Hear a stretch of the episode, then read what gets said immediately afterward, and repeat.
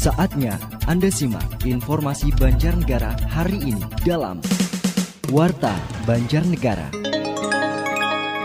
Apa kabar mitra? Radio Suara Banjarnegara kembali menghadirkan informasi aktual serta informasi penting lainnya yang terangkum dalam Warta Banjarnegara. Hari Kamis 16 September 2021 informasi utama kami. TMMD Sengkuyung di Desa Sigeblok resmi dibuka. Fenomena hujan es terjadi di Wanayasa Rabu sore. Inilah Warta Banjarnegara selengkapnya disampaikan oleh Bimo. Warta Banjarnegara. Mitra Banjarnegara, TMMD Sengkuyung tahap 3 di Desa Sigeblok, Kecamatan Banjarmangu, resmi dibuka oleh Dandim 0704 Banjarnegara ARH Sujedi Faisal dan PLH Bupati Banjarnegara Samsudin. Selain pembangunan jalan rabat beton sepanjang 1823 meter, Sasaran lain adalah bedah lima rumah tidak layak huni, pembangunan pos kamling dan sasaran lainnya. Pelaksanaan dimulainya TMMD ditandai dengan penyerahan program kerja TMMD oleh PLT Bupati Banjarnegara Samsudin kepada Dandim 0704 Banjarnegara, Letkol ARH Sujaidi Faisal di Aula Desa Sigeblok. Usai penyerahan program kerja, PLH Bupati Banjarnegara bersama Dandim 0704 Banjarnegara dan rombongan meninjau lokasi yang akan dibangun jalan rabat beton. Dandim berharap TMMD dapat menjawab persoalan masyarakat khususnya di desa-desa. Sebab pembangunan fisik seperti pembangunan jalan dan rehab rumah tidak layak huni akan sangat bermanfaat bagi masyarakat. Menurutnya, TMMD merupakan bagian dari sinergitas TNI bersama dengan masyarakat dalam membangun negeri. Hal ini diwujudkan dengan pembangunan di desa, tidak hanya fisik tetapi juga penghijauan lahan sehingga dapat menjawab persoalan yang mendasar yang dirasakan oleh masyarakat.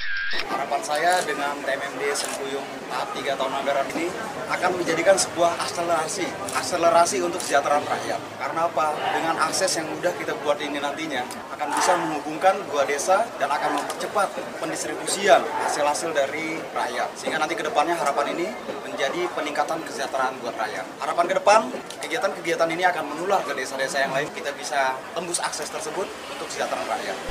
Sementara itu, PLH Bupati Banjarnegara Samsudin mengatakan, kebutuhan infrastruktur di wilayah tersebut sangat dibutuhkan, apalagi daerah tersebut menjadi satu sentral salak yang ada di Banjarnegara. Adanya kemudahan akses tentu akan ikut meningkatkan perekonomian masyarakat melalui kemudahan distribusi hasil kebun.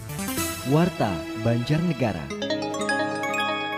Mitra Banjarnegara, Fenomena alam terjadi di Banjarnegara Rabu sore. Sejumlah daerah di bagian utara Banjarnegara diguyur hujan es. Seperti di wilayah Kecamatan Wanayasa. Salah seorang warga Banjarnegara Hafid Suharyanto mengaku kaget saat mendengar bunyi hujan yang tiba-tiba sangat keras. Saat dilihat ternyata ada butiran es sebesar biji kacang tanah yang jatuh di sekolah tempat dia mengajar yakni SMK Negeri 1 Wanayasa. Ia mengatakan fenomena alam ini diawali dengan hujan deras dan angin kencang. Namun hujan es tersebut tidak berlangsung lama. Kasih data dan informasi BMKG Stasiun Klimatologi Iis Widya Harmoko mengatakan, fenomena alam hujan es merupakan hal yang wajar, terutama saat masa peralihan musim kemarau ke musim hujan. Biasanya menurutnya fenomena hujan es ini terjadi diiringi meningkatnya suhu udara di pagi hari dan hujan lebat pada waktu siang hingga sore hari. Kondisi ini akan berdampak pada fenomena alam hujan es. Tapi kalau misalnya itu hal itu terjadi, itu sebenarnya hal yang wajar dan itu terjadi pada saat masa transisi yang pancaroba mas. Karena kan yeah. di Iya. Banjarnegara sendiri itu kan diperkirakan uh, kalau salah masuk musim hujannya itu akhir September kalau nggak salah ya. Jadi kalau saat ini memang saatnya masa transisi gitu. Di mana biasanya masa transisi itu kalau pagi itu dari pagi sampai siang tuh suhunya semakin meningkat. Nah, meningkat ter- terus juga pe- perawanan juga tumbuh terus. Jadi karena uh, dari suhu yang sangat panas terus tiba menjadi dingin, ya biasanya wajar kalau ada ada hujan es, ada angin puting beliung, ada angin kencang, dan biasanya setelah adanya hujan es ataupun puting beliung, biasanya ada hujan lebat. Menurutnya, berdasarkan analisa sementara tidak ada potensi berbahaya atas terjadinya fenomena alam tersebut. Untuk itu, ia menghimbau warga tidak perlu khawatir menyikapi fenomena alam hujan es tersebut. Warta Banjarnegara.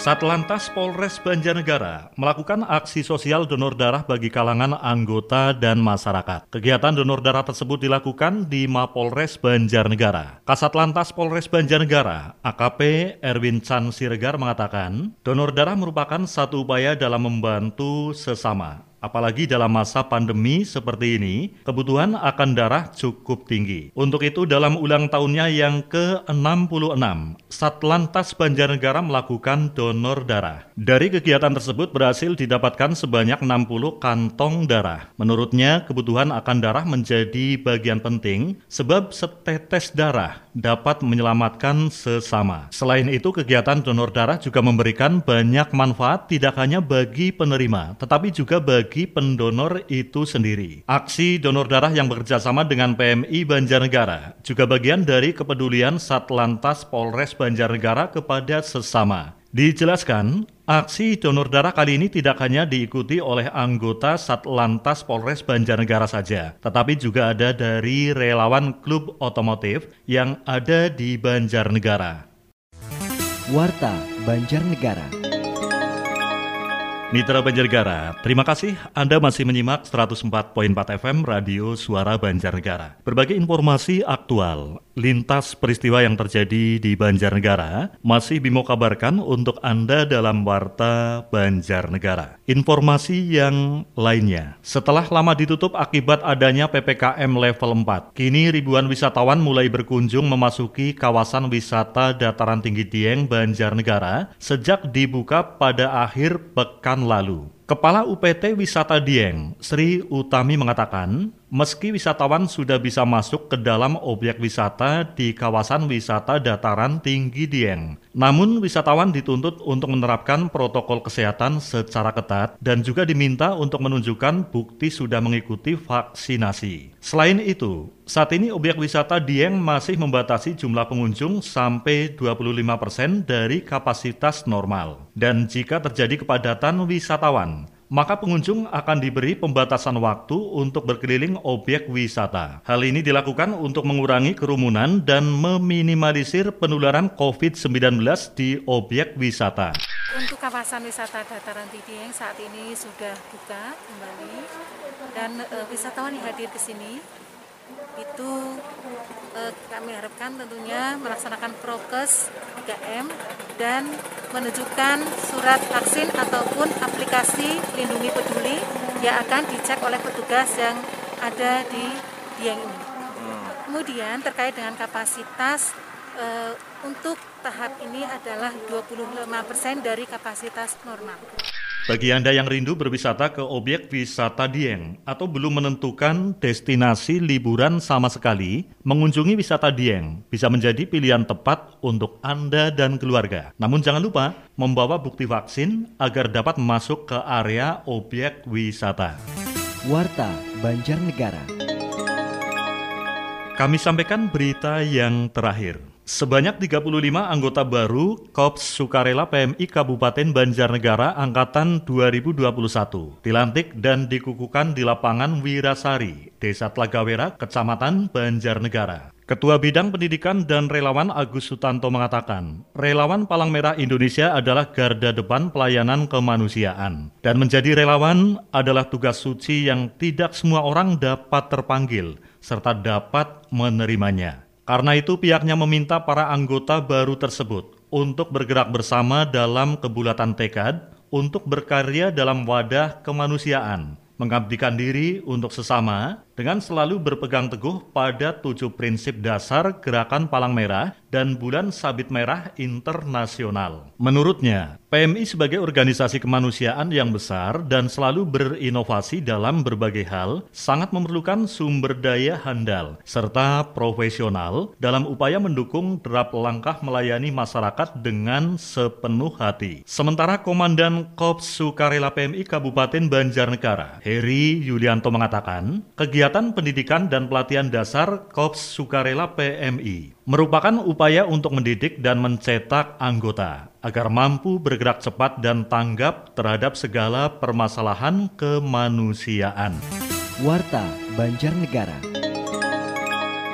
Mitra Banjarnegara, demikian tadi berbagai informasi aktual telah kami hadirkan untuk Anda dalam Warta Banjarnegara. Edisi hari Kamis, 16 September 2021. Akhirnya, dari Jalan Selamanik nomor 1 Banjarnegara, mewakili kerabat kerja yang bertugas, saya Bimo, mengucapkan terima kasih atas kebersamaannya. Sampai jumpa, salam gilar-gilar.